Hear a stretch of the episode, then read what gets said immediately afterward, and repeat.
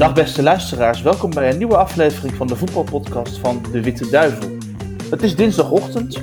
Eddie Snelders zit in Leipzig, want vanavond is het Razenbouwsport Leipzig, moeten we goed zeggen, tegen Club Brugge. François Collin zit in België en ik, Jan-Willem Spaans, zit in Amsterdam. Oh, Wij gaan vandaag terugblikken op het voorbije voetbalweekend in België, in de Jupiler Pro League. En wij gaan vooruitkijken naar het Champions League treffen van vanavond, het tweede examen. Daarvoor geef ik graag François het woord. Dankjewel, eh, Jan-Willem. Eh, Eddie, eh, hoe is het in Leipzig? eh, voorlopig, François. eh, eh, goed, zou ik zeggen. Wij zitten eh, in een hotelletje niet heel ver van het eh, stadion. Eh, het is grauw en grijs buiten, maar vanaf 12 uur verwacht ze beter weer. Eh, het stadion ziet er, ziet er goed uit, zeker langs de binnenkant. Alleen eh, de Brugge-spelers en bestuur, bij name het bestuur, dus we denken dat het vanuit de Brugge-spelers komt, zijn niet echt tevreden over de grasmat in Leipzig. Nu hebben wij toch de indruk gehad dat Leipzig zelf daar eh, in het weekend niet zo heel veel last van heeft gehad.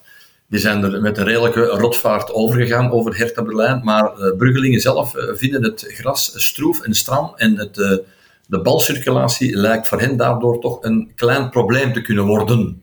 Dus nu regent het wel volop. Uh, dus dat wil misschien zeggen dat dat toch weer wat beter wordt. Maar laten we hopen dat dat toch zeker geen uh, extra tegenstander wordt voor onze Bruggelingen. Het zal voor de twee ploegen in elk geval hetzelfde zijn, uh, Eddie. Dat, dat alleszins wel. Maar het is alleen Brugge dat er zich op dit moment eigenlijk een paar zorgen over maakt. Zie je club opnieuw punten pakken vanavond? Wel, uh, als ik uh, de commentaren van hen zelf uh, heb beluisterd, gisteren op de persconferentie, dan gaan zij er toch vanuit dat dit een wedstrijd is waar dat ze voor de tweede keer zouden moeten kunnen stunten. Dus ik denk toch wel dat zij het nodige vertrouwen hebben getankt met enige voorzichtigheid, zeker bij Clement. Met enige voorzichtigheid natuurlijk in acht te nemen dat dit een ander soort wedstrijd gaat zijn dan de thuiswedstrijd tegen PSG waar dat we dan toch tegen uh, wereldvretten spelen die misschien niet allemaal hevig gemotiveerd waren. Al kon daar Philippe Clement zelf niet echt, gezien zijn gelaatsuitdrukking, uh, die uitspraak uh, appreciëren. Want hij toch vond dat zij daar met sterke wapens tegen hebben gereageerd.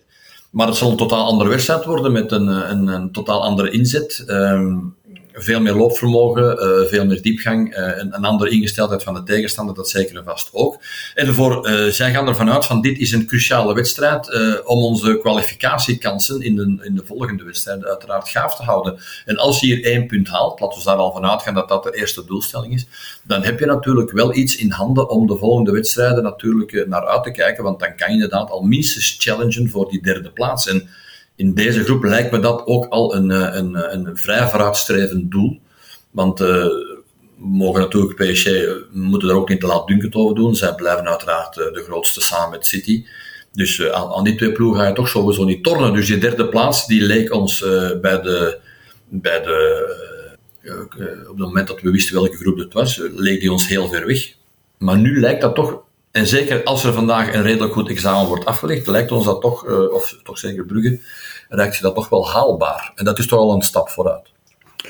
Uh, ja, Leipzig zou een aantal spelers missen. Weet je daar iets van? Nee, voorlopig nog niet. Daar is gisteren nog niet over gesproken. We hebben gisteren alleen het, het Brugge, het, het Brugge gedeelte gedaan. Maar ik weet wel dat die jongen die van City komt aan de linkerkant zeker niet gaat spelen. Ik ben zijn naam eventjes kwijt. Uh, en dat er één of twee andere eventueel uh, afwezig zouden zijn. Maar een kern is natuurlijk wel breed genoeg. Zijn we een deel uh, serieuze veranderingen gedaan in het weekend. Een paar nieuwelingen die ze uit de ploeg hebben gelaten. En die ploeg heeft, is ineens wat ontploft. Ook al bleek dat in de wedstrijd tegen Bayern München, 14 dagen daarvoor, ook al wel mogelijkheden hadden geweest om te winnen. Ze hebben toen 1-4 verloren. Maar het spelniveau op dat moment was ook van goede kwaliteit. Alleen hebben ze dat nu wel tegen Berlijn natuurlijk omgezet in, in veel doelpunten. Kunku, die natuurlijk een goede speler is, uh, moet je wel rekening mee houden. Uh, er zijn nog een paar anderen hè, die daar wel wat, uh, wat, wat kunnen. kunnen.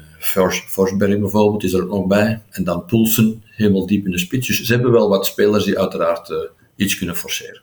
Ja, ehm, Leipzig is de meest gehate club van Duitsland, wist je dat?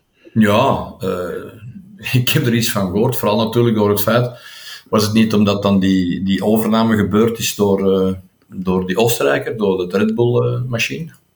Ja, vooral omdat zij eigenlijk uh, de regel omzeilen die in Duitsland ja. geldt, dat 51% van de aandelen in handen moeten zijn van de supporters. supporters en, ja, ja. waardoor daar geen toestanden bestaan zoals bij ons, waar ja, het grootste deel van de clubs in handen zijn van buitenlandse eigenaars.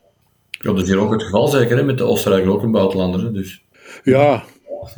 Ergens in de het, is een, eh, het, het is eigenlijk ook wel een beetje een Duits bedrijf, denk ik, intussen geworden. Maar uh, uh, in elk geval, de supporters hebben er nul inbreng. in tegenstelling tot bij naar alle andere clubs. Maar laten we ons concentreren op Club Brugge.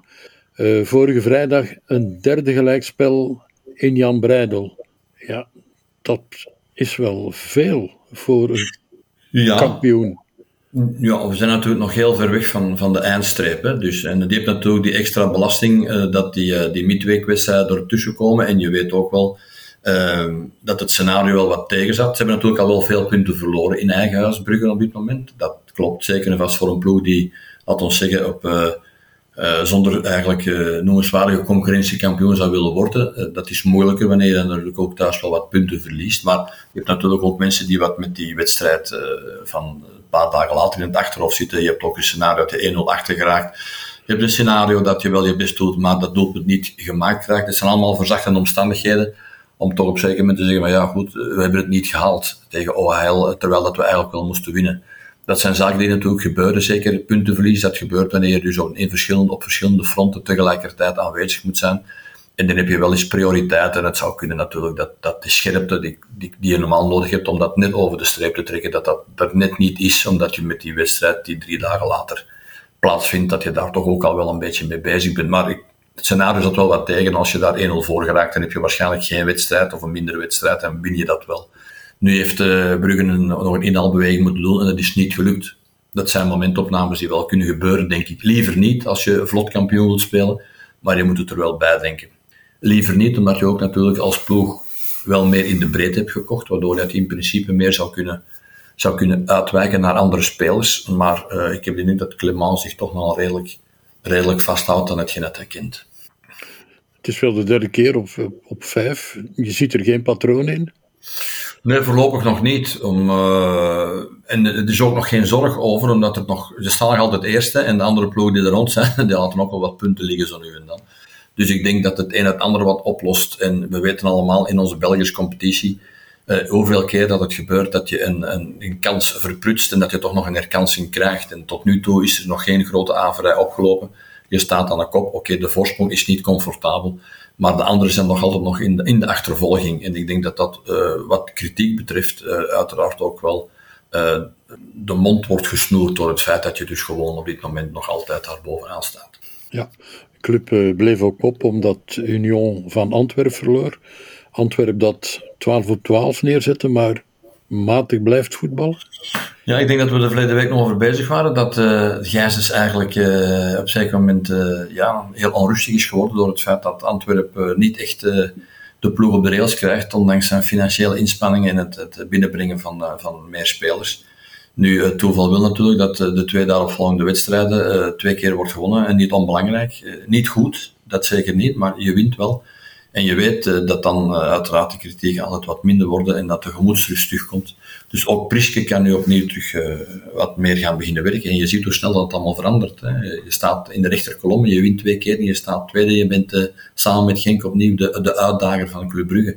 Dat is ons Belgisch voetbal. als Gent binnenkort is een, een periode heeft van drie opeenvolgende overwinningen, dan staan die daar ook weer bij. En dan zeggen we, hoe is het mogelijk? Het kwakkelende Gent.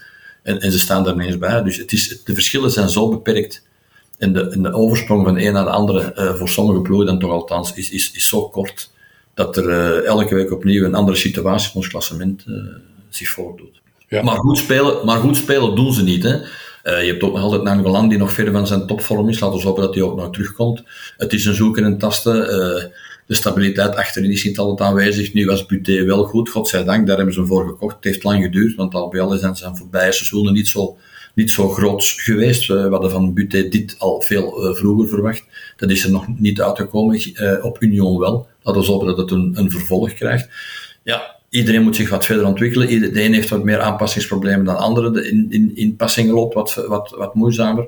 Maar het is nog wat zoeken en tasten, dat zeker en vast. Maar als je dat dan kan, eh, kan toedekken met overwinningen, ja, dan, dan, dan is natuurlijk de, de wonden iets minder diep, dan, dan ga je er vlotter over. Ja, je vermeldde even agent. Ehm, de Buffalo's wonnen tegen Cercle Brugge, maar zelfs Hein van Hazenbroek vond het onverdiend. Ja, maar met een overwinning is altijd iets makkelijker te zeggen. Hè. Dat is nu helemaal zo. Hè. En, het, het, was ook uh, harken, harken uh, op, uh, de, ganse wedstrijd door achterstand gekomen. ja, moeizaam, gewoon moeilijk elkaar vinden. de, de, de, de sterkhouders ja, nog altijd niet goed. Achterin ook veel onzekerheid. Ja, het zijn allemaal kenmerken van ploegen die nog niet goed draaien. Hè. En ook Gent is daar nog altijd heel erg aan onderhevig. Maar ik zeg het, een overwinning ja, dat, dat, dat zalft altijd toch wel iets meer. En dan, dan ben je toch iets geruster om naar die volgende wedstrijd toe te leven. En ook bij Agent is dat zo. En zij weten al uit ervaring, dat hebben ze verleden jaar meegemaakt, dat er niks, niks verloren is. Hè. Je moet alleen starten van op een zeker moment, op de goede moment, die reeks te maken. En dat kan bij Agent nog komen. Ze zijn nog altijd Europees uh, in positie. Dus eigenlijk, ja, alleen moet je hopen voor Gent dat voor henzelf dat het spelniveau beter wordt. Maar voor de rest uh, kan dat nog wel altijd in orde komen, denk ik. Ja, met uh, Racing on the Watch blijft het goed gaan. Ja, absoluut. En uh, weten, aan het begin van het seizoen, in, toen ze juist begonnen, heeft hij een tijdje niet gespeeld, was hij op zeker moment niet, niet scherp genoeg. Dan werd er de vraag gesteld, uh, er komt geen vraag voor Onuachu, wat nog altijd heel opmerkelijk was, vond ik, als je dan het jaar daarvoor toch een heel racing doelpunten maakt. Dus er is geen buitenlandse vraag geweest, heeft bijgetekend. En het is, ja, het, is, nu is het, eh, het was al langer de sterkhouder, maar nu opnieuw blijkt dat hij wel degene is die, eh, die Gink eh, voor een grote gedeelte over de streep trekt. Belangrijke speler, goed voor Gink dat hij gebleven is. het zal zeker en vast in het doelpunten totaal toch wel een gevoelige upgrade geven op het einde van het seizoen. En dat wil dan ook zeggen dat je als zijnde met, met een goed geheel de, de eerste uitdager blijft van Club Brugge. En dat is denk ik voor Gink zelf heel belangrijk. Moet Anderlecht met uh, tien op het veld staan om het e-, echte Anderlecht te zijn? Ja, uh, dat bleek in Oostende wel het geval te zijn, maar je moet natuurlijk naar de twee helften kijken. je staat eerst wel 2-0 achter en hoe is dat in godsnaam mogelijk? Hè? Je, je, je, hebt de laatste twee wedstrijden, twee normaal haalbare kaarten. Je moet 6 op 6 halen, je hebt 2 op 6. Dat is uiteraard niet voldoende, hè? daar kan je niet tevreden mee zijn. Maar ehm, uh, al bij al bekeken, denk ik, gezien de situatie halfweg, denk ik dat de company een heel ander tevreden was met de situatie die er uiteindelijk nog van is gekomen, dat gelijke spel. Met discussiepunten natuurlijk over dat doelpunt van Refailov.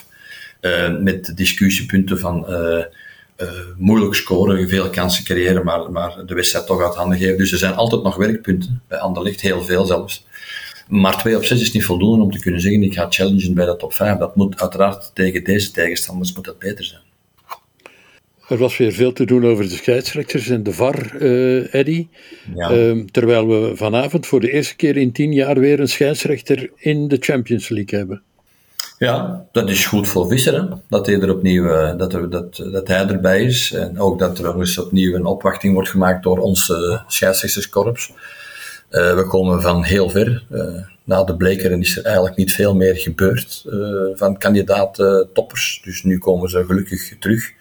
En ik vind die momenten die er zijn geweest, dat waren geen momenten van de scheidsrechter. Hè. Dat waren momenten, de VAR-beslissingen, die, die al dan niet, die moesten geaccepteerd worden, maar die al dan niet terecht waren. Dus ik denk dat de scheidsrechter daar zelf eigenlijk uh, niet, niet direct vragende partij. Ze hebben een momentopname gehad, ze hebben dat oordeel geveld.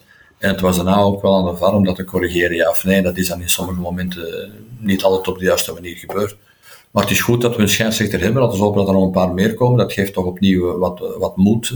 Dat het korps uit een, uit een dieper dal is aan het terugkeren na heel die hitsen. Met die, met die omkopingen, die benaderingspogingen. Ehm, maar ja, goed. de VAR op zich moet zichzelf ook wel zo nu en dan trachten of moeten corrigeren, vind ik zo. Oké, okay, rest me nog jouw een zonnige namiddag in Leipzig. En nou, een spetterende wedstrijd. Voormiddag.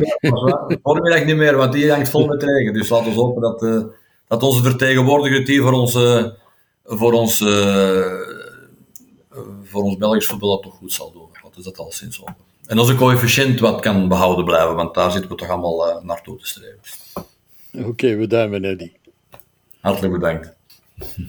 En daarmee is er een einde gekomen aan deze aflevering van de Witte Duivel Voetbalpodcast. Ik dank François, ik dank Eddy, ik dank u voor het luisteren. En laten we hopen dat Club Brugge er vanavond opnieuw een positief resultaat weet uit te slepen tegen een toch lastige tegenstander.